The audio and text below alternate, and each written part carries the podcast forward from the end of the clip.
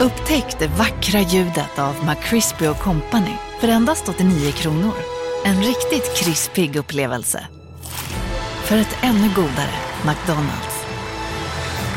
Om en sous vide är på väg till dig för att du hörde en kollega prata om det och du råkade ljuga om att du också hade en och att den var så himla bra att maten blev så otroligt god och innan du visste ordet av hade du bjudit hem kollegan på middag nästa helg för att du sålt in din lågtempererade stek så bra att du var tvungen att beställa en på nätet fort som attan. Och ja! Då finns det i alla fall flera smarta sätt att beställa hem din sous vide på. Som till våra paketboxar, placerade på en plats nära dig och tillgängliga dygnet runt. Hälsningar Postnord. Du lyssnar på en podd från Perfect Day. Då ska vi se. Okej, vi har exakt en timme på oss. Nu, nu go, go, go, go. Välkommen till podden syrran! Nervous laughter. Nervous Tack, det känns jättekul att gästa, inte min favoritpodd, men Nej, eh, okej. topp tre. Mm. Jag, jag funderar på om vi kanske kan få in en annan gäst så här i, i elfte Jag timmen. skojar, ni är min favoritpodd. Alla kategorier. Det är okej syrran. Vi måste inte vara din favoritpodd, men eh, vi kanske är dina favoritsystrar i alla fall. det är ni verkligen. Jag älskar er väldigt mycket. Ja. Tack för att jag får vara med Ja, i er podd. Självklart. Nu har ju du inga andra systrar så att, eh, det blir också en väldigt ledande fråga. Ja, men så här, nu så kallade jag dig för syrran också och det vet jag att det kommer vissa störa sig på. Vi säger ju så till varandra, flera utav oss, inte bara jag och Elin. Men du är ju min lilla syster. Mm. Du är Elins och min lilla syster och även Martins lilla syster. Ja, med sex minuter. ja, precis. Vi, Han han före. han han före. Vi, vi eh, har pratat om det ehm, för ganska länge sedan, när man måste ta våra första avsnitt för mig, när vi pratade lite om vår familj. Vi är alltså två tvillingpar. Så det är Elin och jag som är tvillingar och sen så har vi två stycken syskon till som också är tvillingar, Emma och Martin. Och det är alltså Emma som är här i podden idag och gästar. Ja. Och det, det är som du sa tidigare, Sören, det, man har ett annat perspektiv på det där med två tvillingpar eh, med två år emellan nu när man själv var barn. Ja. Då kändes det inte alls som att vadå? Det var väl inget konstigt? Nej, vi hade alltid väldigt svårt att relatera till när folk liksom, av beundran mötte våra föräldrar och sa. “men gud, hur har ni klarat det här?” Ja. Och sa “vadå, vi är väl ingen jobbiga och Nej. vi, vi sköter oss själva”. Fast det, det säger mamma och pappa nu. De har ju så extremt selektivt minne när man pratar om vår barndom. Ja. Nej, det var ju aldrig någon som skrek eller det var aldrig någon som krånglade vid läggning. Nej, och jag, och vill försökt- Anette gjorde vi också tydligen. Ja, ja. Nej, men alltså, jag Ja. har försökt verkligen så här. Men okej. Tänk dig det här scenariot. Ett barn har bajsat, det andra barnet har slagit sig. Båda skriker. Eller, alltså, så här, du måste ha behövt välja någon gång. Mamma. Ja, Vem exakt. ska du, Vem ska du ta först? Ja. Nej, nej, ingen minne av att det var så. men, ja, ja. men jag tror att det där handlar mer om överlevnadsinstinkt från mamma. Alltså att hon har valt vilka delar hon har tagit med sig och minns. Och sen är det vissa andra delar som har blivit suddiga. Mm, av förklarliga så, så är det ju för en själv också. Exakt. Och tur är väl det. Ja. Du är ju med i podden dels för att du liksom är en fantastisk och väldigt spännande och intressant person. Men du är ju också med för att eh, Elin just nu är i Tyskland och får behandling på en klinik. Mm. Och Vi hade ju faktiskt tänkt att vi skulle ringa upp henne eh, för att se om eh, hon eh, vill berätta lite hur hon har det. Vi har inte preppat henne för det här, så att vi får se om hon svarar. Och svarar hon inte så kan jag ge er lite status ändå, för jag har givetvis pratat med henne. Nu ska vi se. Nej, hon trycker på upptaget. Ja. Kanske hon är i behandling. Ja, hon kunde tyvärr inte svara. Eh, men så här, jag kan bara kort eh, berätta. Då. Jag pratade med henne igår och eh, hon kände sig väldigt gott mod eh, och kände sig eh, glad över att vara där och att nu få liksom, kasta sig in i nästa grej och ha ett nästa steg. För Det har ju varit mycket av det som vi inom familjen men också liksom, som har varit mycket av Elins stora stress ibland, att inte alltid ha ett nästa steg. Och Det har ibland varit en större stress än själva sjukdomen har upplevt. Att så här, vad, vad händer nu? Eh, för det är den lilla delen som, som man faktiskt kan kontrollera. Det vill säga, vad händer när vi har slutfört den här behandlingen och vad, vad, vad testar vi sen? Eh, så Det kändes som att hon var vid väldigt gott mod och att hon var liksom, eh, ja, men peppad på att få komma igång eh, Mm. och ge sig hän. Det var väl det Mm. hon förmedlade. Så det förmedlar jag nu till er och det känns som att hon är i väldigt goda händer. Mm. Jag var själv med på ett videomöte med den läkaren och fick en oerhört bra bild av honom. Han kändes liksom väldigt kunnig och eh, ödmjuk och liksom stabil. Det, Mm. det man, och uppriktig, för det är också en sån sak som jag tycker är, är viktigt. Liksom. Mm. Att man får informationen. Mm. Och Jag åker faktiskt ner på fredag och hälsar på Elin och är där över helgen. Och Det ska bli jättefint. Mm. Fint att få den tiden tillsammans och Ja, men verkligen. se hur hon har det där. Exakt. Hon verkar ha det väldigt vackert, tänker jag, omgivningarna. Hon, hon uppskattar ju det. Kunna Ja. ta promenader. Och Ja. Det är väldigt vackert med träden. Och Ja, det är som en liten bra. alpby har de Mm. beskrivit det. Ja, det ser jättefint ut. Du, eh, jag tänkte så här, vi kan ju...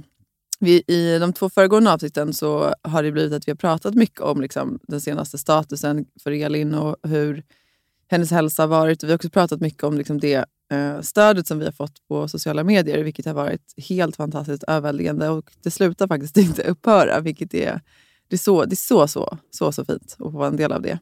Och någonting som jag tycker kan vara intressant att prata om nu när jag ändå har dig här, det är ju liksom det här med anhörigperspektivet. För att vi har ju bara berört det lite ibland i samband med att Elin och jag har poddat, men kanske inte riktigt så här gått på, på djupet så mycket kring det Mm. av förklarliga skäl. Det är ibland svårt när man sitter ner eh, med den som är liksom, drabbad och sjuk.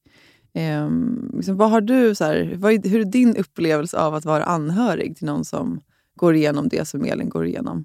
Vi måste nog bryta ner det lite, tror jag. Ja. Eh, det är så himla många dimensioner generellt. Att vara anhörig. Jag tror att tidigare i mitt liv så hade jag nog en ganska förenklad bild på att vara stöd. Mm. Eh, Hur menar du då? Alltså, att du tänkte att jag Nej, bara jag- stod där så är jag... Eller? nej, men jag tror att, att jag kände som att så här, ja, det är bara att släppa allting och, och bara finnas där. Eh, som att det Ja, du menar att man liksom uppoffrar kanske sitt eget liv? Ja, och he- helt och Ja, hållet. Liksom, Mm. för, att, för att vara, vara ett stöd. Eh, och Det har väl varit min approach tidigare eh, när min familj har drabbats av, av eh, sjukdom. Min mans bror blev ju också svårt Mm. drabbad av, av, av cancer i ung ålder och gick även bort senare. Och då så... um, Och det gick ju väldigt fort. och det gick väldigt fort, Ja. ja. Eh, men då, då tror jag att nej men just, just i den situationen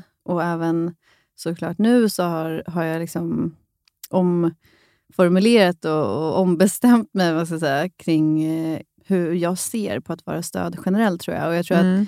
en sak som jag har själv tänkt på jättemycket i den här situationen med syrran, Mm. det är ju att jag måste våga fortsätta leva mitt liv Mm. för att kunna vara det bästa stödet Mm. till henne. Jag pratade med en, eh, en psykolog för två år sedan med, om just anhörig-delen liksom, Mm. delen, Mm. när, när eh, liksom, allt det här drog igång. Eh, och, Det då, kan jag bara lägga till, liksom, för Mm. det, det, det är en sån sak som kan vara bra att känna till. att När någon drabbas av en svår sjukdom så finns ju oftast den möjligheten via sjukvården. Mm. Eh, för så var det ju för oss. Då blev ju familjen erbjuden att eh, bland annat prata med psykolog. Ja, det tycker jag är jättebra. Ja, det är alltså att någon som är professionell liksom kan komma in och, och guida och Ja. leda. Liksom. Och Hon sa ju väldigt tydligt så här, att man aktivt måste fylla på med saker som ger energi eh, om man är i en ansträngande situation. Mm. Och Det har jag verkligen försökt ta fasta på. Mm. För att jag tänker att, som du, jag vet att du också har pratat om tidigare i podden, just det här med att Elin inte ska bära vår smärta eller oro på något Mm. sätt, utan det är liksom upp till oss att ta- ta ansvar för det. Och, även, och att ta ansvar för det menar jag då till exempel att em, hitta sätt att hantera den Mm. eh, och även hitta sätt att liksom, hitta ett välmående. Och eh, att kanske hitta ett sätt att få utlopp för den. Ja, exakt. Mm. Och på de sätt det går. Men, och det är väl det där som ibland är svårt, upplever jag. Jätte, För att det, det blir ibland då så en diskrepans mellan att eh, man vill visa att man är ett stöd och finns där och liksom vill ge av hela sig själv. Men samtidigt så kan man inte göra det om man själv inte får återhämta sig och kanske vara, som för både din ehm, som för både dig och mig till exempel, så vi har ju våra familjer där Mm. vi får mycket av vår kraft men där vi Mm. också vill lägga mycket av vår kraft. ja. Eh, för mig är det ju... Alltså, mina barn är, så här, det är mitt allt, och även min man också. Men det är också där som, som jag hämtar energi när jag är trött och det är där jag får tröst och så vidare. Mm, mm. Så där, det upplever jag ibland att det kan bli en konflikt mellan att så här, men, eh, kan du inte följa med på det här? Eller kan du inte finnas, liksom, att, att man alltid det här med att, här, att alltid vilja ställa upp samtidigt som man också har en vilja av att vara där man har sin rot. Det Ja, vill säga verkligen. med sin familj, där man får liksom, hämta kraften. Jag vet inte om du förstår vad jag är ute Jo, efter. Men, verkligen. Gud. men, men det, det är ibland svårt, för det är också ett, ett sätt som man så här, försöker någonstans ändå alltså, värna om sig själv och den förmågan att vara ett bra stöd. Som man Mm. liksom, Nej, men verkligen. Mm. Men jag tänker att eh, det ena inte ska utesluta det andra. exakt och det, så. det, är det, som, det är det jag menar med att jag behövde ompröva min, min syn kanske lite på det här med att vara stöd. Det här med att bara släppa allt och finnas där. Mm. Eh, alltså det går att finnas där, men på mer hållbara sätt. Eh, för att vi vill ju också vara hållbara stöd i Ja. längden. Eh, nej men så, för, av förklarliga skäl så är det ju den som är sjuk som är i centrum och så ska det vara. Ja, ja, absolut. Det betyder inte att det är, lätt att vara anhörig. Ehm, och, och Det tycker jag att alla anhöriga ska liksom våga erkänna på något sätt. Eh, och våga liksom, kanske hitta någon sorts kraft i det. Att ta hjälp eller, Mm. eh, eller fundera över vad, som, vad man får mycket livsenergi ifrån. Mm. Ja, som sagt, för att kunna vara ett hållbart stöd i längden. Mm. Hur tänker du? Ja, men jag håller med dig jättemycket. Jag är inne på precis samma, samma sak. Eh, och Jag tänker att det också handlar mycket om... så här, vi, har, vi har pratat om det i jättemånga avsnitt tidigare och det är liksom också kanske någonstans andemeningen och den röda tråden i podden. Det vill säga att vi måste leva våra liv, för ingen vet när det tar slut. Det enda vi vet är att det tar slut. Det är, som, det är allt vi vet om livet egentligen.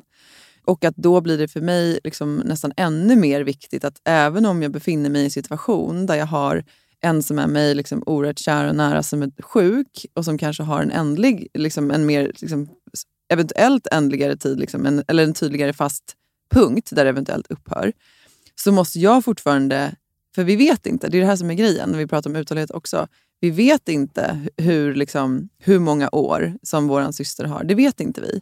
Och då blir det också så att vi måste samtidigt liksom våga leva under den tiden. Mm, för att gör mm. inte vi det, då gör ju vi precis motsatsen av vad vi själva vill förmedla och det vi själva också någonstans tror på. Det vill Mm. säga att leva livet fullt ut varje dag.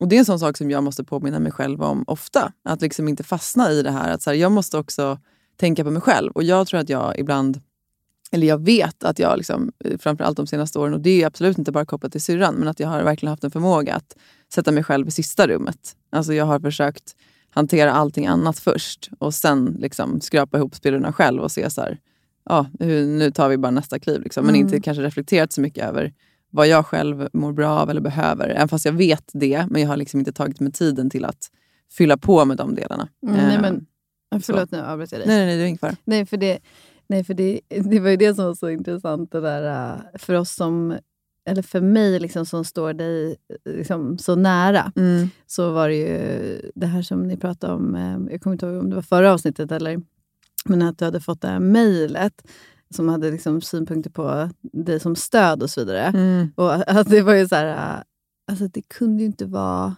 längre bort från sanningen. Alltså det, det, det, det är liksom, du har ju verkligen varit...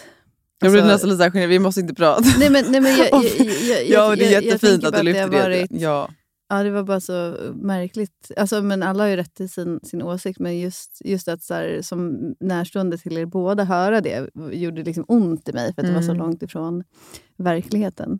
Mm. Men, eh, men det är som du säger också, att så här, livet är ju ändligt. Mm. Och vi, vi, vi lever ju på något sätt i en kontext i vår del av världen där, där vi inte pratar om det, utan vi låtsas ju alla som att, eh, Som att det inte finns. någon kommer nog klara sig levande ur det Ja, här. ja, ja, Men alltså, det, det är ju verkligen det, är verkligen det enda vi vet. Och jag tycker, som, som här, syrrans approach också har ju varit att, verkligen att, att våga leva, oavsett Mm. vilka förutsättningar vi har fått. Mm. Eller så.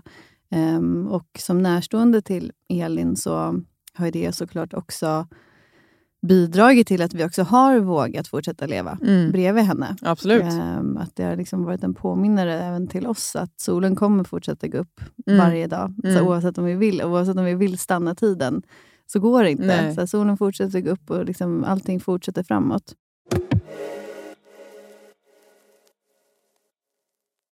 Älsklingar, den här veckan är ju Under your skin med oss igen i podden. Vi älskar ju bra produkter som är bra för oss Mhm. och vår kropp. Och Det är faktiskt så att alla Under Your Skins produkter är naturliga, veganska och ekologiska. Och det här är det bästa. Utan några onödiga kemikalier. Det vill vi inte ha. Saker som kan påverka vår kropp negativt, det vill vi bara bort. Usch, försvinn. Ja. Eller hur? Vi har ju jobbat med Under your skin länge och eh, vi har fått lite frågor eh, kopplat till deras produkter. Så nu tänkte vi bara lite kort idag köra lite lyssnarfrågor. Kul! Eh, en fråga vi har fått är ju hur snabbt minskar håravfallet från och med att man börjar använda eh, ja, men hair growth kit? Ja, just det. Alltså, precis, för de har ju ett eget hair growth kit. Jag använder ju den och har ju använt den nu eh, ett bra tag. Och Jag var tvungen att faktiskt gå in och kolla på deras hemsida vad de skrev, för min upplevelse var ju att det, det minskade bara redan under första veckan. Det gick jättefort från att jag kunde känna skillnad när jag borstade håret på hur mycket hår som fastnade i borsten. Då har jag ju såklart också kikat och det är ju faktiskt det också som de själva rapporterar, att det ska gå så fort om det inte är så att man har någon särskild diagnos. Ja, såklart. Ja, men gud Ja, vad grymt. och, ja, men, så det är en sån, sån här sak med att ja, men dels om man borstar då ser man ju hur mycket som kommer på borsten, men också alltså, man skulle till och med kunna typ, så väga håret bara för att se ja. skillnad. Jag märker jättestor skillnad. Okej, Eh, vi vi har ta- en till lyssnarfråga, ja, men, eller hur? Ja, men exakt. Eh, har du någon? Det här är en fråga som jag tycker är skitbra. Det är så här, kan man kombinera hair growth serum med detox shampoo och balsam? man kan såklart kombinera så som man önskar. Men om man vill ha bäst effekt eh, vad gäller liksom håravfallet eh, och hair growth, så ska man såklart använda hair growth-kittet hela vägen. All the way. Mm. Det är ju sammansatt för att få bäst effekt, om man säger så. Vi har en kod, kära ni, lyssna nu, spetsa öronen. Eh, med koden SHOES20, eh, då får man alltså 20% eh, rabatt på underyourskin.se. Och det här erbjudandet gäller till och med 12 maj. Så in och fynda och se ert svall växa. Oj, oj, oj. Sommarsvallet. Ja, sommarsvallet. Tusen tack Under your skin. Men du pratade om det här med att vi, vi inte pratar om döden. För jag, jag tycker att det är eh, så intressant, och jag tror att Elin har pratat om det i förra avsnittet också, det här med att vi ofta säger att Eh, och Det är något som, som du eh, brukar påminna mig om också ibland när man säger så, ah, men, eh, om jag dör. Det, är så här, nej, men det är inte om utan det är när. Ja. Ehm, Gud, jag låter väldigt så här, morbid och trevlig.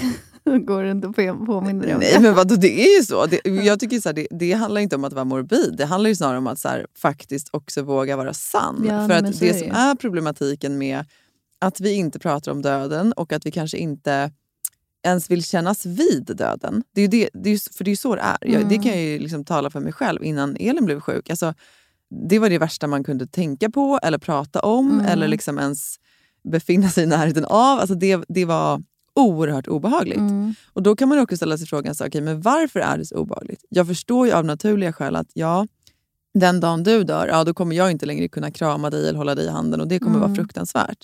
Men samtidigt så är det så här, det är ju en del av livet. Mm. Och jag tänker att hade vi varit bättre på, och det här har ju du och jag pratat jättemycket om, hade vi varit bättre på att närma oss de här frågorna på ett lite mer odramatiskt sätt, för så- så är det ju i många andra kulturer. Mm. Och vi hade liksom kunnat ha ett språk för hur vi talar om döden i förhållande till livet och allt annat.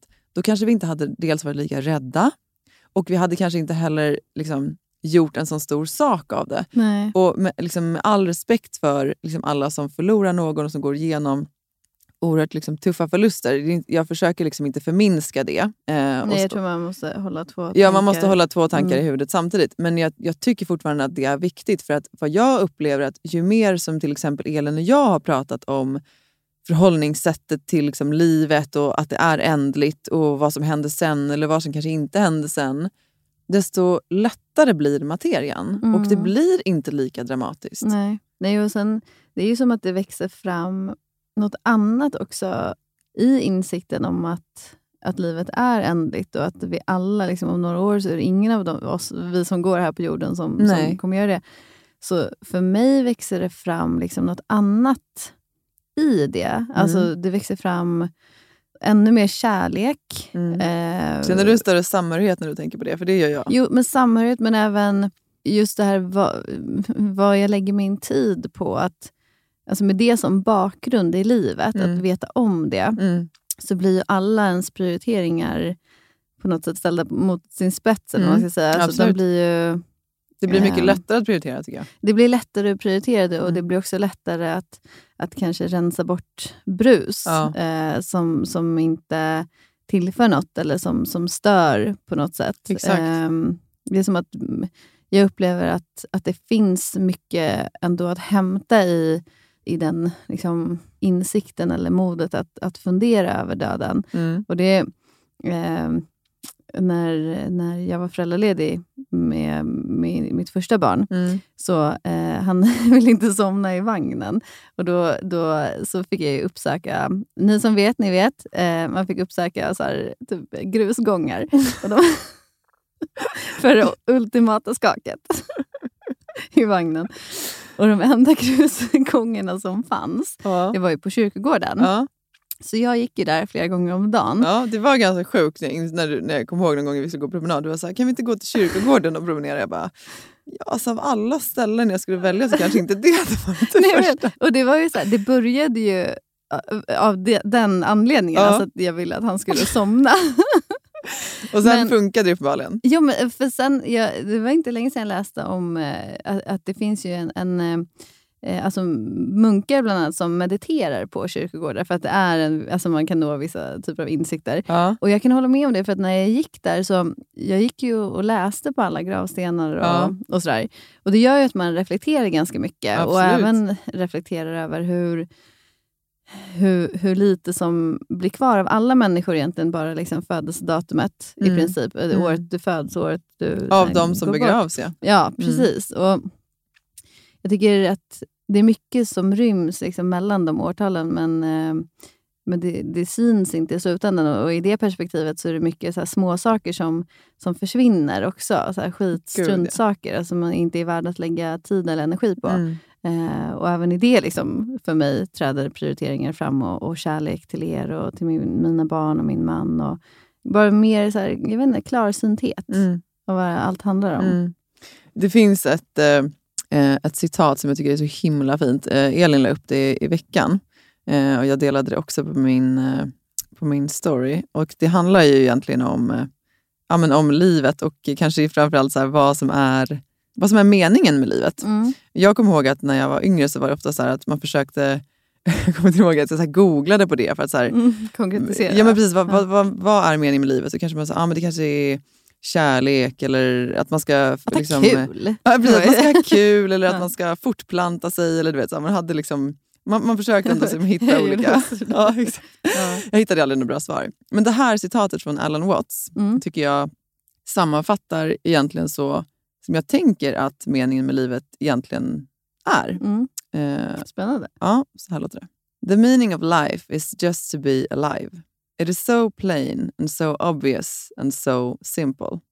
And yet everybody rushes around in a great panic as if it were necessary to achieve something beyond themselves. Nej, men det är så sant. Visst är det bra? Ja. Och jag tror inte att jag hade varit mottaglig överhuvudtaget för det här citatet för liksom tio år sedan. Jag hade bara, vadå, vadå bara vara live? Alltså man måste åstadkomma någonting. Man måste väl ändå liksom klättra på någon Ja, karriärstege och känna att man har liksom nått det där målet som man satte upp. Men ju längre jag kommer i mitt liv, och så här, absolut så här, ja, det är lätt för mig att säga för att jag liksom har ändå lyckats bygga mig en väldigt fin karriär på liksom snabb tid, men jag har ändå, kanske på grund av det, också känt att ju äldre jag blir och ju längre jag har kommit, att det spelar inte så stor roll. Nej.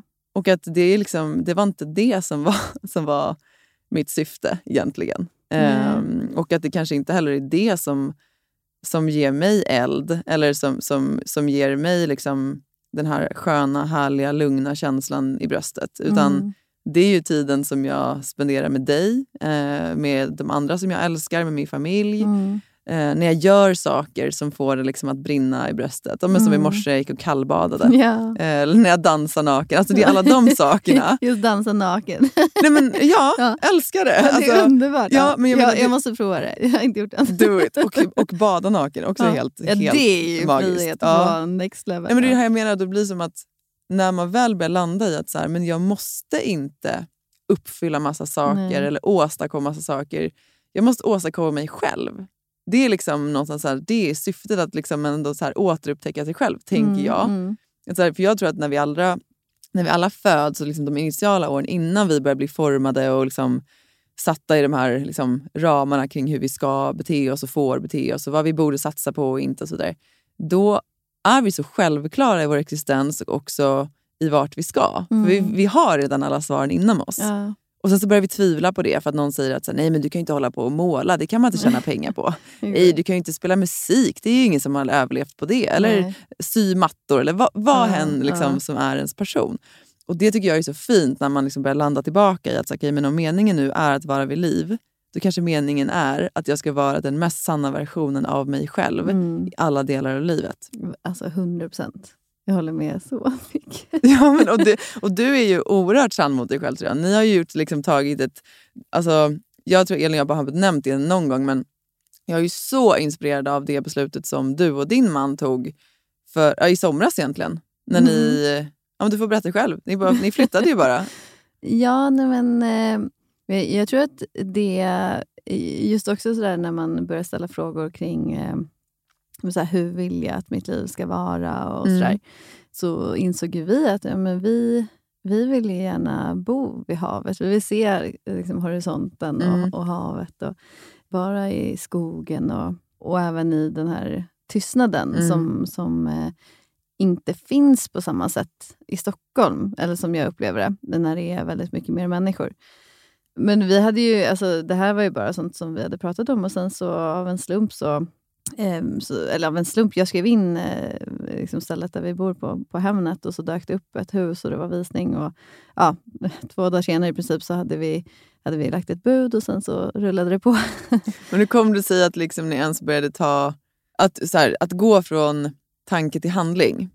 För jag vet men att det jag vet- skedde också ja. ganska snabbt för att du hade varit på ett av de här retreaten som Elin och jag alltid hyllar så Ja. mycket också. Vi har varit på de här soul space flera gånger. Du hade ju också varit på ett sånt. Ja, men det var väl mer för att alltså, vi har ju ändå pratat länge om så hur, ja, men hur man vill leva och hur Mm, man vill bo. mm. Och, och vi har ju bott på liksom, många olika platser och alltid haft en liksom, känsla av frihet i Mm, det. Att, så här, mm. Det spelar ingen roll om vi bor i en hydda i skogen eller Ja, så länge Eh. Så länge vi är tillsammans, Ja, det är det ja. enda som spelar roll. Eh, men eh, eh, sen när vi började fundera liksom ännu mer på yttre omständigheter och så, Mm. för jag är liksom 100% övertygad om att det här inre lugnet, Mm. som, som eh, för mig inte är beroende av vilken liksom, titel vi har, eller Nej. det vi pratade om tidigare, som Mm. så här, yttre strävan eller bekräftelse, utan, utan handlar om andra saker.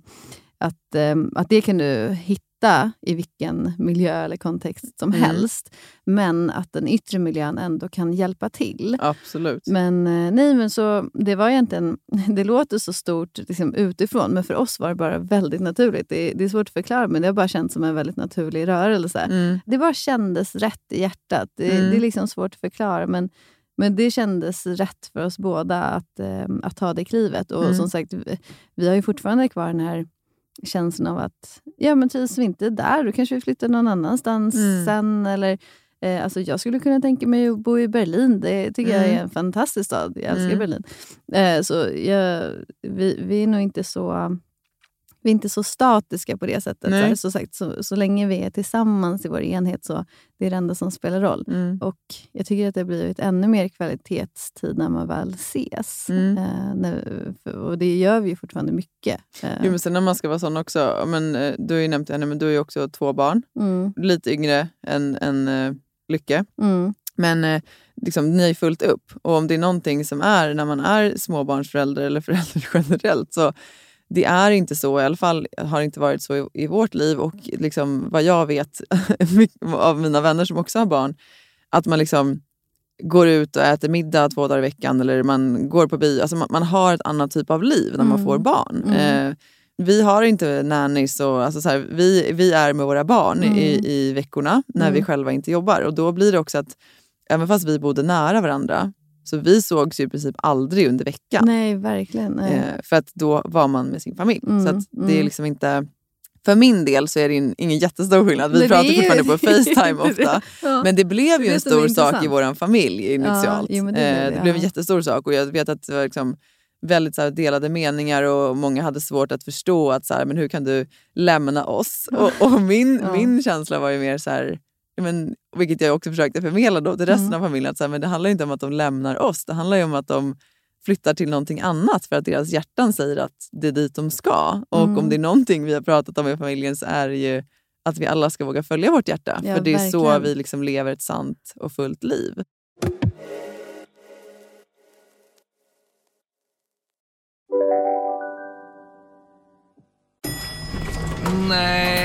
Dåliga vibrationer är att gå utan byxor till jobbet. Bra vibrationer är när du inser att mobilen är i bröstfickan. Alla abonnemang för 20 kronor i månaden i fyra månader. Vimla! Mobiloperatören med bra vibrationer. Det där var för att uppmärksamma er på att McDonalds nu ger fina deals i sin app till alla som slänger sin takeaway förpackning på rätt ställe. Även om skräpet kommer från andra snabbmatsrestauranger som exempelvis Ma... Eller till exempel Burger... Demideck presenterar Fasadcharader. Dörrklockan. Du ska gå in där. Polis? Effektar? Nej, tennis tror jag. Pingvin. Alltså jag fattar inte att ni inte ser. Va? Nymålat! Men det var många år sedan vi målade. Demideckare målar gärna, men inte så ofta. Men jag tycker att en sak som eh, har varit intressant, som, eh, som jag sa i början, jag har en, en podd som... Eh, alltså ni är ju min favoritpodd, men en annan podd som jag också lyssnar på heter ju Podd Mogna. som Ja. Och det är så intressant för att jag upplever att... Har de lika många lyssningar som oss? Jag, jag har faktiskt ingen koll på det. Jag, jag vet inte ens om, om det är en stor podd, men, men jag lyssnar på den. Ja. Och, och, eh, för, jag, för mig fyller de verkligen en funktion liksom i det offentliga samtalet. Ja. att det är väldigt sådär... Jag har faktiskt lyssnat på ett. Jag håller med om att det är en jättebra podd. Ja, och det är så inlyssnande och liksom... Det är som att ibland upplever jag till och med att så här, eh, de är oförberedda på att få liksom samma fråga ställd tillbaka. Att de lyssnar så mycket på varandra. Ja. Att de är så här, oj nu ska jag svara. Alltså, Ja. Det är väldigt intressant. Ja. Ehm, De är fullt närvarande de i är ögonblicket väldigt, de svarar. väldigt närvarande. Ja. Eh, och, eh, nej, men från, eh, just att de fyller ett, ett space i det offentliga samtalet som, som jag inte har upplevt. Och Det upplevde jag även med, det sa jag till er på ert förra avsnitt, när ni Liksom, alltså att det är väldigt naket och modigt att våga prata som ni gör. Jag kan ibland känna hur jag som är närstående till er Mm. tycker, kan jag ibland tycka att det är jobbigt för att, för att det blir så innerligt. Mm. Eh, och för att jag älskar er så mycket och för att det, så här, det, gör, det gör så ont i mig. Så ibland Mm. måste jag ta paus. Mm. Men jag kan tänka mig, jag har tänkt när ni liksom vågar vara så ärliga och, och, och liksom sårbara, det, att det fyller också en funktion för andra människor som går igenom saker Mm. med och som har någon som de älskar liksom, över allt annat. Som, Mm. som, så här, det enda man vill är att hjälpa den här Mm. personen och, och, och ta bort det onda. Och, att lyssna på ett annat samtal där, där man är så pass liksom, nakna och ärliga som ni är. Jag, jag, jag, jag har bara känt mig väldigt stolt över att ni fyller den funktionen på något vänster. Ja, vad fint Iran. Nej, men det, det, det är vi väldigt ödmjuka inför. Och det tycker jag är så fint för att det märker framförallt jag som anhörig att jag får väldigt mycket meddelanden från andra som Mm. också är anhöriga till folk som går igenom tuffa sjukdomar. Mm.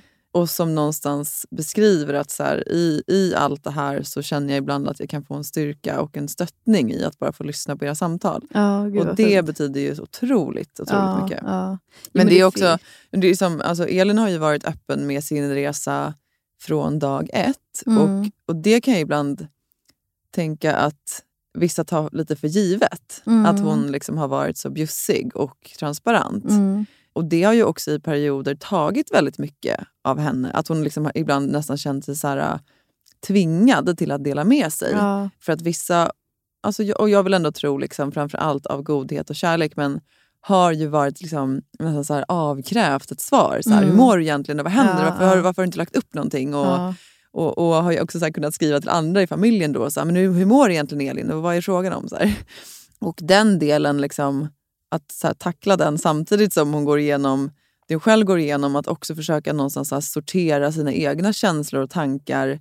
Det har ju verkligen inte alltid varit lätt. Nej. Men jag upplever att hon har hittat liksom en mycket bättre balans i det nu. Där hon, är liksom, där hon har mycket mer liksom självkontroll över vad hon delar med sig av och vad hon inte delar med sig av. Nej. Vilket jag tror också har varit skönt för henne. Men det är också en sån sak som jag också beundrar henne för. Att hon har, liksom, trots allt det här jobbiga, också liksom orkat dela med sig. Ja, för det är helt inte otroligt. självklart. Nej, nej verkligen inte. Nej, jag, jag känner också stor liksom, beundran för det. För att, för det, det, det har ju du också såklart, och du är är ju med om det i mycket större utsträckning än vad jag är, men att, att folk eh, generellt kan komma fram och ställa frågor Mm. eh, eftersom hon ändå är en offentlig person. Och jag har ju alltså personligen haft jättesvårt med det Mm. emellanåt, för att, för att eh, det är så känsligt för mig. Mm. Och att det är Ibland så, ja, men när man är uppe i något annat eller liksom jobbsammanhang, vad som helst, så kan det vara svårt att så här, skifta fokus och, Mm. och, och då så här, svara på de frågorna. Mm. Ehm, vilket är en annan del som anhörig, som Mm. sagt. Ehm, men, ehm, men det tycker jag har varit jättefint av henne, att hon har liksom på något sätt vågat, vågat för det har ju handlat ganska mycket om mod eh, för hennes del där. Ja. Eh, och det är ju, så här, generellt, det är så, jag vet inte, det känns som att vi lever i, i modiga tider på så många olika plan. Mm. Att det är just nu så händer det så mycket saker och folk Mm. är så modiga och vågar liksom, jag vet inte, visselblåsa höger och vänster och, och Mm. liksom blotta sanningar. Och, Mm. eh, det var allt som händer i Iran nu till Mm. exempel. Alltså det, det, det pågår jag vet inte, det är som att våra tider innehåller mycket mod på olika sätt och vis och, och Mm. uppror mot gamla sanningar. Jag tror att, eh, alltså på ett sätt tror jag att vi är längre ifrån liksom vår essens än någonsin tidigare. Men jag tror också att det finns fler och fler människor som kommer närmare och närmare den. Alltså det finns någonstans ett, det finns ett skifte någonstans. Eh, och jag upplever att fler och fler, vad ska man säga då, med det att man blir liksom så mer connectad med sig själv, att man också liksom har närmare till sin egen kraft. För att alla bor på en sån liksom, enorm kraft. Och när man liksom sen då enas i den här eh, så kan man skapa sån enorm förändring. Mm. Och Du nämnde ju bara det här med ja, men du nämnde Iran. Eh, och då pratar vi såklart om det som, det som har skett nu som en Mm. våg efter eh, Mahsa Aminis död. Mm. Och, eh, jag, alltså, man skulle kunna säga att alla vet säkert vad det är, men, men eh, det är inte säkert att alla vet vad det är därför att medierna har inte skrivit jättemycket om det. Nu börjar man komma ikapp, men det är ju i sig ett jättestort problem. Men det är ju en ung kvinna som eh, eh dödades som misshandlades så pass allvarligt att hon, dog av den iranska moralpolisen, eller sedlighetspolisen egentligen. Mm. Och det var för att hon inte hade på sig sin eh, hijab på rätt sätt. Mm. Och efter det så har det då följt liksom, eh, enorma protester i, i hela landet egentligen. Mm. Eh, och där det då är unga kvinnor som går i bräschen. Mm. Och många kvinnor har liksom i protest klippt av sitt hår. Eh, och man har bränt sina slöjor i liksom eld och, och också visat upp på sociala medier när man klipper av sitt hår. Trots då att man eh, riskerar eh, tortyr och död. Mm. Så det finns liksom... Det som hänt i Iran, så här, ja, det, det är ju någonstans, alltså, eller det som händer, för att det pågår ju fortfarande och internet stängdes ju ner för ett tag sedan och där Mm. många menar att det, det innebär att man liksom förbereder eh, en massaker egentligen Mm. på befolkningen. Så att, ja, liksom, framtiden kommer ju få utvisa vad, vad som händer. Men oavsett om man ska titta på det här med mod, så många, både kvinnor och män, som nu går ut och Mm. liksom s- enade i den här kraften mm. säger att så här, vi har fått nog. Mm. Mm. Liksom, vi, vi ställer oss upp mot regimen, vi har fått nog. Mm. Och det här modet, alltså det finns ju precis överallt. Eh, och hur tragiskt det än... För, för jag tycker ibland att så här, det är så lätt att man... Jag tycker att det är sjukt viktigt att man pratar om att liksom, hur hemskt det här är och alla, liksom, alla vansinnesdåd som liksom begås av regimen mot befolkningen. För Det, får- det, är- det är jätte, jätteviktigt att man Mm. förstår det. Men jag tycker också att det är så viktigt att prata om det här modet Mm. eh, och den här förändringsviljan som bor i vanliga människor. Ja, och jag tycker att det är så intressant. Eller, för, för jag har, sen det här liksom bröt ut, så jag har nästan haft svårt att läsa om det. För jag har varit så åh gud, alltså, Mm. gud hoppas det går. Mm. Alltså det är som att jag, jag har känt, ja, det har varit nästan jobbigt att, att tänka att det kommer slås ner så hårt. Mm. Och sen har det liksom fortsatt och fortsatt. Och, och, och det verkar som att det för första gången har samlats eller liksom, inte för första gången, det, det är jag inte säker på, men, men jag, hör, jag, jag hörde häromdagen i alla fall att, att de ser att det är liksom väldigt många olika samhällsklasser. Ja, det är det. det. som- och olika ja. minoriteter. Och det, är det, det är, alltså är man har enats kring, front, precis, man ja. har enats kring en och samma fråga. Och den, den handlar ju om alltså, hijabtvånget. Det vill Mm. säga att man som kvinna ska... För det kan man ju lägga till att Iran på, liksom, i slutet av 70-talet så var egentligen Iran en av Mellanösterns mest moderna eh, länder. Mm. Och där kvinnor var väldigt fria, det liksom, du målade dig som du ville, det var mycket färgglada kläder, korta kjolar. Du, var egentligen, du gick som du ville. Mm.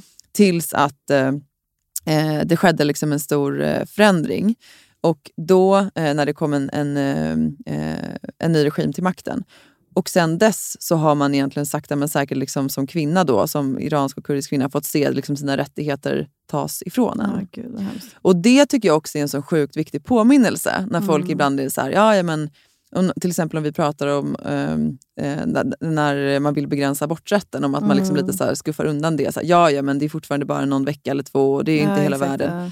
Eller vad det än må vara när det kommer till våra de- demokratiska rättigheter. Jag har pratat om det tidigare, det här med Mm. vaccinpassen, eller vad det än må vara. Att det, det är liksom, man måste förstå att demokrati är ingenting som vi bara får. Nej, gud. Nej, men, var det inte Jonas Gardell som sa något sådär, eh, och den generationen som tar sin frihet för, eller sina rättigheter för givna kommer förlora dem. Ja, det var inte Jonas Gardell som sa det ursprungligen. Jag tror att det var en, eh, typ så här Churchill. Det var, nej, Ah, nej, okej. Ja, men, men han, jag- jag vet att han Jonas skrev Gardell det väldigt, ja. i en Ja, jättebra men, och krönika. det, och- och- men det är så himla sant. Det är otroligt. Och det, sant. det är som att man måste ändå vara med och bevaka den delen. Och det tycker jag, men, men om man ser på det som händer i, i Iran eller det som hände i världen i stort 2017, det här med att Ja, att det var bara liksom sammantaget väldigt många kvinnor som plötsligt fick nog. Mm. Att det är mycket sånt som kan puttra under ytan också och helt plötsligt Mm. bryta ut. Att det är svårt att veta exakt varför Mm. den här gnistan tänds. Mm. Men att det, det finns en sån enorm kraft i det när, den Mm. liksom, när fördämningarna Mm. brister på det Mm. sättet. Ehm, Och vi var ju faktiskt själva med om det 2017. Och jag, innan vi går in på det, så det här, jag tycker ändå att det är viktigt att någonstans här, vi, vi liksom jämställer inte det som liksom de här fantastiskt modiga kvinnorna och, och männen i Iran Nej. gör just nu nej. med det som eh, liksom vi i Sverige gjorde 2017 i samband med metoo-rörelsen. För det är också liksom viktigt att komma ihåg. Här, Mm. de riskerar sina liv. Sen, med det sagt, så vill jag heller inte förminska de kvinnorna som trädde fram under metoo-rörelsen. För att det var otroligt många som riskerade väldigt Mycket, mycket. ja. Även om man inte riskerade sin död, så riskerade, eller sitt liv, så riskerade väldigt många sina jobb, Mm. eh, sitt rykte, sitt umgänge och så vidare. Mm, mm. Och jag, så här, vi, jag, jag tycker vi ska liksom lite berätta om vad, vad vår del i det här var. För dels så här, jag är väldigt stolt över det och vi pratar inte jätteofta om det längre. För att vi var ju också medvetet... Vi har inte liksom pratat så mycket i media heller, eller i alla fall inte när, när det skedde. Eh, av högst medvetna skäl Mm. egentligen. Ja, ja, men, ja, men precis. Alltså, det har ju varit så himla viktigt för oss båda att, att inte på något sätt ta fokus från sakfrågorna. Mm. Eh, vilket i, för oss har varit att vi kvinnor ska kunna verka på samma villkor och i frihet liksom, och vara fredade på våra arbetsplatser. Mm. Det ska alltid vara i fokus. Eh, och därför är det viktigt att liksom, försöka hålla fokus på de frågorna och inte som på något sätt som talespersoner eller så vidare ta den platsen. Men vi Eh, behöver gå tillbaka då så folk förstår, för vad menar vi med talespersoner? Ja, nej, men, eh, nej, men vi drog igång... Eh, det var ju skådespelarna som hade mm, eh, gått ut med, med, med ett upprop eh, som hette Tystnad tagning. Mm. Eh, och I Svenska Dagbladet? I Svenska Dagbladet. Mm. Det hade ju börjat puttra eh, runt om i Sverige, metoo generellt, men det var ju ingen sån sammanslutning. Nej. Så, så kom ju plötsligt då Tystnad tagning och, ehm, och, och vi blev ju så extremt tagna av det. Mm. Eh, och deras liksom mod Mm. att med bild och namn säga att det här händer i vår bransch. Mm. Eh, och det är inte okej. Mm. Eh, och vi, vi, Vi vill att det förändras. Ja, Mm. alltså det, var ju, det var så oerhört starkt Mm. eh, att läsa det. Och även bisarrt att läsa saker som bara hade kunnat översättas in i vår egen bransch. Mm. Fast vi verkar För det ska vi också tillägga, eh, du är också jurist Mm. eh, och du är två år yngre än mig. Så när det här hände så hade ju eh, vi båda jobbat x antal år som jurister. Mm. Mm. Mm. Men eh, ja, nej, men och då så bestämde vi oss för att försöka göra något liknande. Eh, och tänkte så här, hoppas det är någon som, som skulle vilja vara med. Ja, och vi resonerade som så att så här, de är ju skådespelare, de är Mm. offentliga personer. De fick väl ihop 500 500 signaturer, var det inte så? Ja, jag, jag minns Ja, men jag tror det var något inte sånt. Och då tänkte vi så här, men om vi kan få ihop 50 Ja, så kommer eh, det. så, ja. så kommer det ändå så här, det, det kommer förhoppningsvis göra någon typ av skillnad och folk kanske kommer skriva om det, någon kommer se det. Mm. Och vi vet ju faktiskt inte exakt hur många underskrifter vi fick in i Nej. slutändan. För att Svenska Dagbladets eh, eh, sida för signaturer kraschade.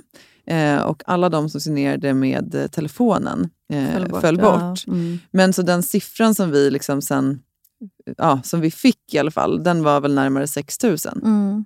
Och det var ju bara på fyra dagar eh, som, som, eh, som allt det här hände. Och, och, möjligheten att skriva under var ju bara under ett dygn. Men, det, men, men med det sagt så fanns ju ett sånt enormt uppdämt Ja, för behov vad var det vi gjorde prata. då? Ja, men det vi gjorde var att vi samlade eh, jurister eh, och, och, och verkande inom juristbranschen som, eh, som ville få till en förändring och som Mm. ville liksom blottlägga de struktur, strukturer som vi eh, var många som skrev under på var, var fel i vår bransch. Och hur gjorde vi det? Jo, Vi samlade in massa Ja, massa Vittnesmål. vittnesmål, och, och skrev en text då, eh, som människor eh, som ville skriva under fick möjlighet att läsa och sen så publicerades det i Svenska Dagbladet med allas Mm. underskrifter. Och de Eh. vittnesmålen, för det kan vi också säga då, vi upprättade ju en så anonym eh, e-mail Mm. eh, och sen så fick man möjlighet att under 24 timmar skicka in vittnesmål. Mm. Och jag kommer ihåg hur vi satt där, liksom, vi hade öppnat den här mejlen och vi, vi, allt det här skedde i en grupp på Facebook. Och så, eh, eller kommunikationen med gruppen skedde på Facebook. Eh, och så var vi lite såhär, men gud, tänk om vi inte får in någonting. Mm. Ja, ja, men vi har i alla fall liksom skrivit en brödtext och vi kräver förändring och det kan säkert bli någonting ändå. Mm. Och sen tog det bara några timmar och sen ville det inte sluta Nej, komma. det var så... Ja, gud, Det var, he- ja, samma här. det var helt bisarrt. Mm. Och vi var ju fyra stycken då. Det var ju du och jag och så var det en forskare som heter Maria Näv och så var det en advokat som heter Caroline Snellman. Och vi satt ju då på hennes advokatkontor i Stockholm. Mm. Och hade liksom, alla satt ju och gjorde liksom olika grejer för att vi skulle få ihop det här. Och jag vet att du var ju den som bland annat tog emot många av vittnesmålen Mm. och sen satt och då anonymiserade dem. För Mm. det var en superviktig del i det här arbetet. att vi inte ville hänga ut någon förövare eller misstänkt Nej. förövare. Men heller inte hänga ut någon av dem som hade lämnat ett vittnesmål. Nej, nej, För precis. återigen, det vi ville sätta fokus på, eller rikta liksom, strålkastarljuset mot, det var strukturen. Det var att det här försiggick och att liksom, omfattningen av det. Mm. Det handlade inte om ett fåtal rötägg eller eh, exakt. ett fåtal, ja, inom citattecken, svaga kvinnor. Utan Nej. det, var, det, var, det här var liksom systematiskt och det Exakt. föregick i alla nivåer, i alla åldrar. Ja. Och vi fick ju in över hundra sidor vittnesmål. Ja, ja, alltså det var helt sjukt. Ja. Och jag minns att vi sen gick ut och sa så att nu, vi har tyvärr inte möjlighet att ta emot mer. Men trots det så fortsatte folk Mm. skicka in. Jag kommer ihåg att det stod till mig, jag vet att ni inte tar emot för det, men jag måste få, Ja. få berätta. Ja. Eh, ja, det var... Och det kom ju in Ja. allt ifrån såna... Ja, det som så gjorde störst avtryck på mig, det var nog de här äldre kvinnorna. Mm. Eh, som skickade in att så här, det här hände mig för 30 år sedan eller 40 år sedan. Mm. Eh, och jag har aldrig berättat det här Nej, för någon. gud. Och det var, det var liksom så mycket, ja, men som du beskrev det tidigare, så här, så här med att fördämningarna släpps. Alltså, Ja. Det var som att det var så många som kände att så här, nu räcker det. Ja. Inte en jävla dag till. Och hur rädd man än hade varit och hur hårt man än hade liksom knutit knä, näven i fickan så kände man bara, inte en dag till. Nej. Och att bara så här, ha fått vara en del av det och liksom möjliggöra den här gemensamma rösten och vara, en hög, eller liksom vara megafonen. Mm. Det är liksom, det är något av det största jag varit med om. Ja, alltså det håller jag med om. Det, det, var, ja, det var en kraft utan dess like. För det Eh. som hände sen var ju att den här artikeln då, tillsammans med massa olika vittnesmål publicerades i Svenska Dagbladet. Mm. Och det är också en rolig kuriosa för att den kvällen, Svenska Dagbladet ville ju att vi skulle skjuta på det här. Mm. Eh, och vi sa att så här, vi, kan inte, vi kan inte vänta längre. Nej. Alltså de här, det, det, det kokar i gruppen. Och då var vi väl runt så här, 13 000. I Facebookgruppen. Ja. Eh, och vi kände också att så här, det här kommer börja läcka. Ja. För det som hade hänt var att många av mediebolagen började ringa oss Mm. och försökte liksom luska och ville ha info. Eh, och vi satt ju manuellt och godkände varenda medlem och försökte kolla upp om det var liksom att dels att det var en kvinna eller en icke-binär och att det inte eh, var en journalist. Men till Mm. slut det blev ju helt omöjligt. Ja. Så vi kände att det började, liksom, det började läcka. Eh, så vi, liksom, vi stod ju på oss och sa att vi måste få publicera, vi kan Mm. inte vänta. Och då var ju deras sista invändning att ja, men Sverige har precis, herrarna då, har precis kvalificerat sig till fotbolls-VM och det är liksom kvällens nyhet. Det här kommer drunkna i det. Mm. Och vi sa, vi kör ändå. Det kommer inte drunkna, vi lovar. Det drunknade inte. tycker så, Det gjorde det inte. Nej, men, nej alltså det... Det var ju första nyheten överallt. Ja, Mm. ja, jag kommer ihåg att det stod dagen efter så här, att det var som en bomb som hade briserat. Ja. Men framförallt, och det är ju du och jag har pratat jättemycket om, ehm, och nu ser jag att tiden börjar rinna mot sitt slut, men, eh, så vi kanske får prata mer vid något Nej, men vi tillfälle. kör lite till. Ja. Eh, nej men eh, eh, framförallt det som jag upplevde hände det finns ju statistik och sånt i övrigt över vad, vad uppropet fick för påverkan. Men, men det som jag själv kan liksom ta på är ju att samtalet är eh, idag någonting annat. det är, som helt att, förändrat. det är som att vi... Man behöver inte längre förklara eller känna sig som att eh, man är ensam. Utan man, det, vi vet idag att det finns så många som skulle hålla oss om ryggen. Mm. Om, om man någon gång blir utsatt igen för någonting Mm. så, så känns det som att det finns ett sånt tryggt nätverk att, Mm. att luta sig Mm. mot. Eh, och även ett fördömande. Eh, som, eftersom det här har varit liksom, sexuella trakasserier eller ofredande eller sånt som inte ens är liksom, reglerat i lag men som bara handlar om attityder Mm. eller eh, Men blickar, vad som helst förminskande, ja. nedvärderande som har varit så svårt att ta på Mm. men som har varit liksom väldigt verkligt för, för de som blir utsatta. Eh, Jo, men som också just det någonstans har samtalet- varit... Mm. Förlåt Ren. Nej, nej, Nej, men jag tänker det som också så här, någonstans har varit en verklighet för många kvinnor. Ja, och som också har varit någonting som vi har lärt oss att leva med och hantera. Alltså, Ja, vi har ju alltid hittat vår, precis, vi har alltid hittat liksom våra strategier för Ja, men så här, jag minns själv sen någon gång jag kom in på ett möte och på en gång så började en av delägarna prata om liksom, mig i baddräkt. Eller, alltså, du vet, alltså, Ja. man, man, på en gång, även fast så här, det är inte olagligt. Nej. Men det sätter ganska tidigt en ton Ja, kring vad de herregud. här två männen tänker på Ja. när jag kliver in i rummet. Mm. Inte är din kompetens. Inte i min kompetens, nej. utan det är min kropp naken. Och, då, och då blir det också så här, ja, men alla strategierna då som man dels har hittat för att inte skapa dålig stämning eh, som ung jurist. För att, så här, Herregud. Om du då skulle kliva in så här, liksom jätteung, har egentligen ingenting att säga till om, du ska vara tacksam för att du ens får följa med på mötet Mm. och då skulle kliva in och säga så här, ja, det där tyckte jag var en olämplig kommentar. Det kräver oerhört, oerhört mycket. Och jag vet att vi brukar prata om det, jag är ibland ute och pratar med studenter och vi har gjort det tillsammans Mm. också en hel del. Att vi pratar mycket om det här med att här, våga höja rösten, våga säga när saker är fel. Men det är nog så viktigt att förstå att det stora ansvaret, det ligger absolut, eller jag skulle säga att ansvaret Ja. egentligen ligger absolut inte på dig. Nej. Utan ansvaret ligger på liksom, de som har makten att förändra. Mm. Och det är sådana som du och jag idag. Idag är vi seniora medarbetare, Mm. idag är vi chefer Mm. och vi har möjligheten att liksom, i de leden som följer under oss visa på vad som är rätt, vad som är fel och att säga ifrån på mötet Mm, om någonting är verkligen. olämpligt. Mm. Att sticka ut hakan.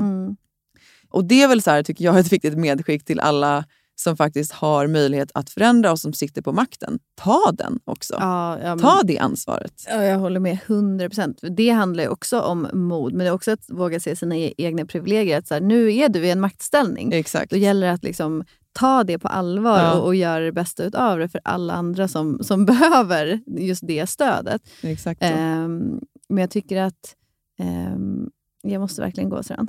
jag älskar dig. Jag skulle, du vet, jag skulle kunna fortsätta prata i all oändlighet. Men jag, ja, jag har en buss att Jag hade passa. velat prata om det här mycket, mycket längre. Ah, ja, men du får komma tillbaks eh, till podden då, Ja, om det är ehm, så.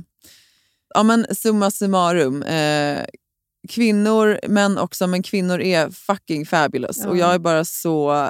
Alltså den kraften som bor i er, i oss och när vi förenar oss så kan vi och har vi rent historiskt uträttat det mest Stordåd. fantastiska stordåd. Stordåd. Stordåd, Ja. ja. Men får jag bara göra ett sista medskick? Rösträtt, aborträtt, Ifall jag inte kommer tillbaka, ifall jag inte kommer tillbaka till podden Ja, så måste jag säga en sak som Ja. jag brukar säga till studenter också, Ja, som jag, ja. jag själv önskar att jag hade fått höra. Ja, do it, och do det är it. att våga lita på arbetsgivarnas agerande. Om de säger att det är viktigt med jämställdhet, då kommer de visa det Ja. om det betyder någonting Yes. på riktigt. Om de inte visar, utan de fortsätter säga det år in och år ut att det är But viktigt. nothing changes. But nothing changes. Gå vidare. Ja, Lämna, verkligen. gå till något nytt. Det finns så många bra arbetsgivare där ute. Och Då Mm. lämnar vi alla de här gamla dinosaurierna i, i liksom dammet bakom oss. Ja, ja. Eh, så det är en, så konkret, Amen. en konkret. Ja. Eh, over and Okej, Emma, tusen tack för din medverkan. Jag älskar dig. Jag älskar dig. Puss hej! Puss, hej! Okej, Emma var tvungen att springa till bussen, så att eh, nu är det bara jag här i poddstudion. Och eh, ni vet när man står jämte en väldigt eh, brant avsats och man ibland får den här känslan av att man bara typ dras ner eller måste hoppa.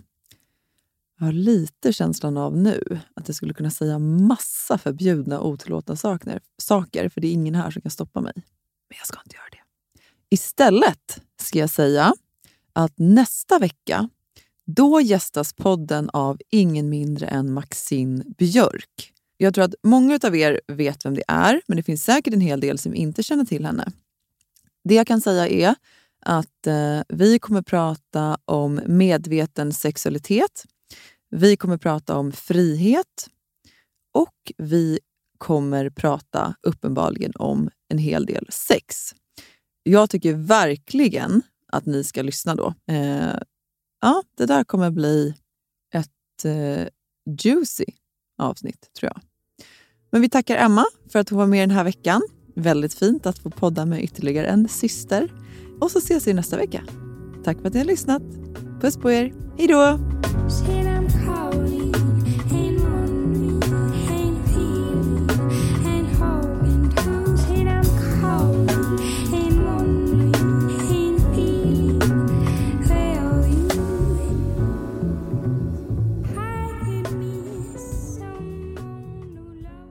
Den här podcasten är producerad av Perfect Day Media.